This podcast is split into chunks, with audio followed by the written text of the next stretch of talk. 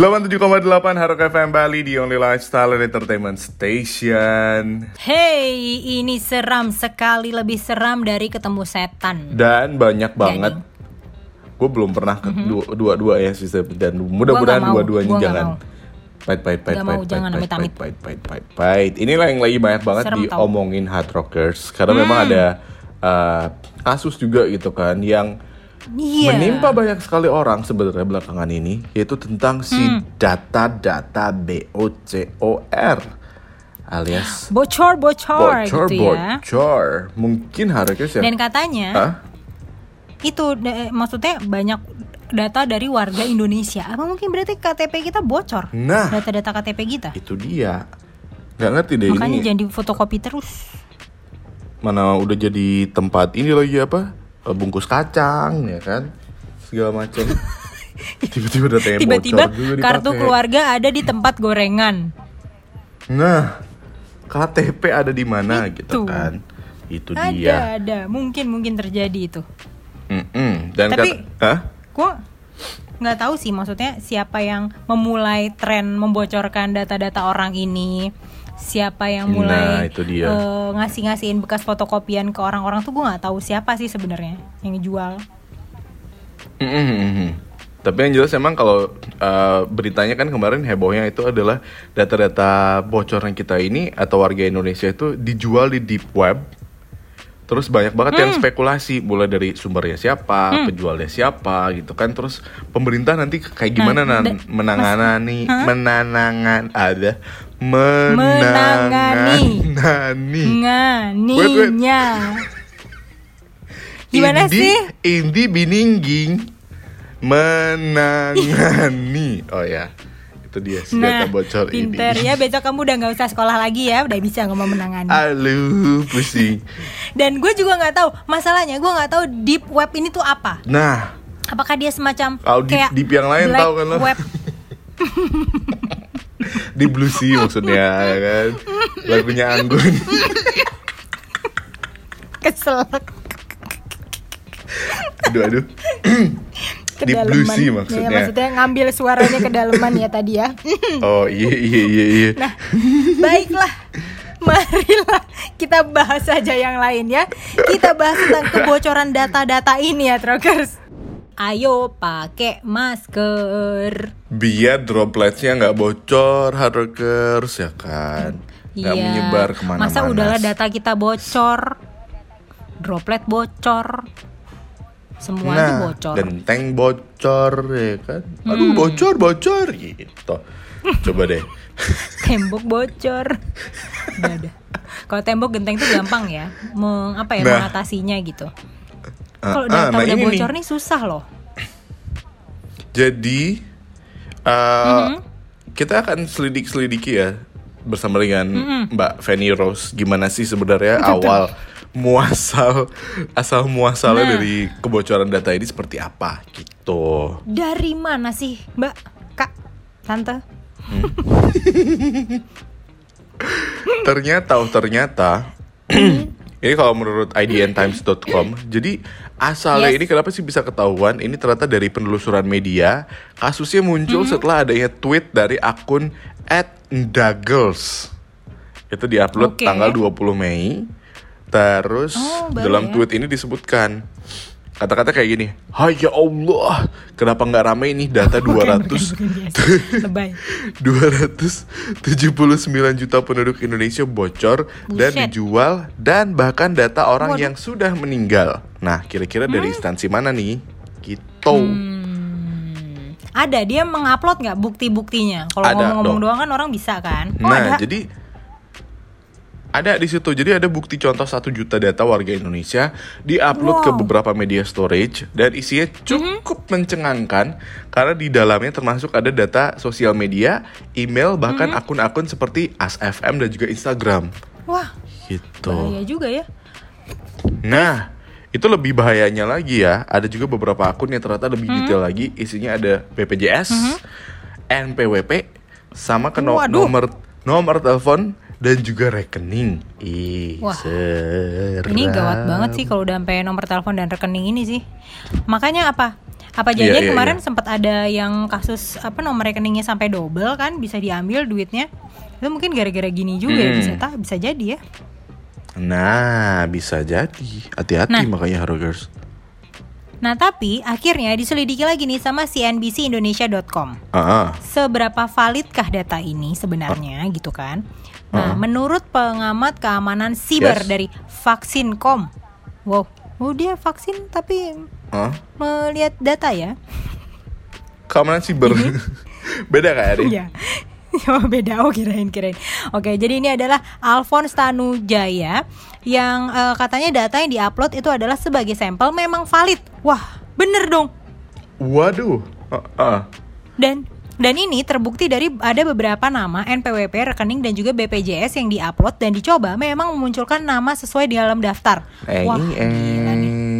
Tapi di sisi lain, menurut pakar keamanan siber lainnya dari CISREC Pratama Persada, data ini belum tentu valid 100% karena kalau ngecek jumlah peserta BPJS, jumlahnya nggak akan sampai 279 juta orang gitu. Oke. Ya, Tapi dari beberapa yang emang sepertiganya udah bener aja sih lumayan sih. Itu udah serem sih. Kan? Mm-mm, makanya aduh menyeramkan sekali ini ya. Skala 1 sampai 5 berapa bocor? Eh seberapa bocor sih data pribadi kita? Kalau menurut gue sih kalau skalanya 1 sampai 5 ya gue udah 5 loh. Kayak kita gampang banget loh bisa menemukan apa pun dan di mana pun kayak Iya. misalkan terus kadang-kadang juga ada Iya. beberapa yang tidak menyadari kalau itu berbahaya kayak teman-teman kan yang ngepost Nah. sesuatu tuh sampai nomor handphone nomor handphonenya pun ada di bio Instagram gitu loh. Bener. Gue kadang-kadang Nah uh, itu atut.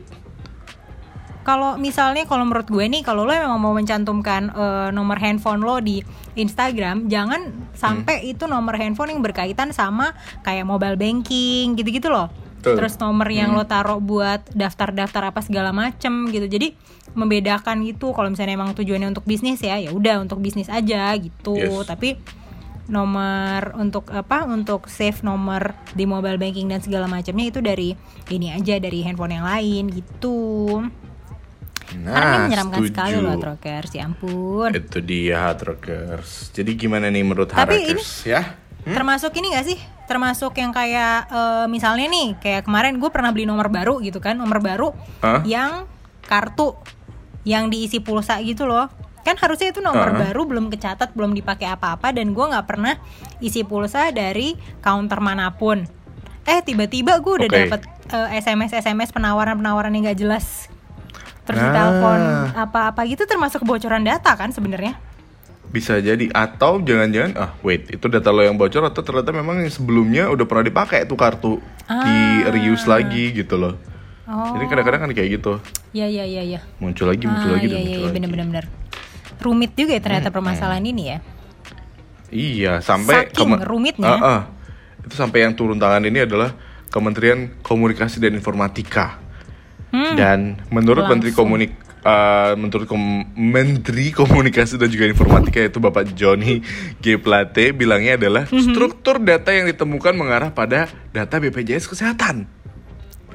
BPJS kesehatan pula, bahkan semua orang pakai, hampir semua orang pakai ini. Itu dia dan Menkominfo pun memanggil direksi BPJS untuk membahas dan memperkirakan penyebab juga sumber dari data ini kok bisa gitu Hmm. kan.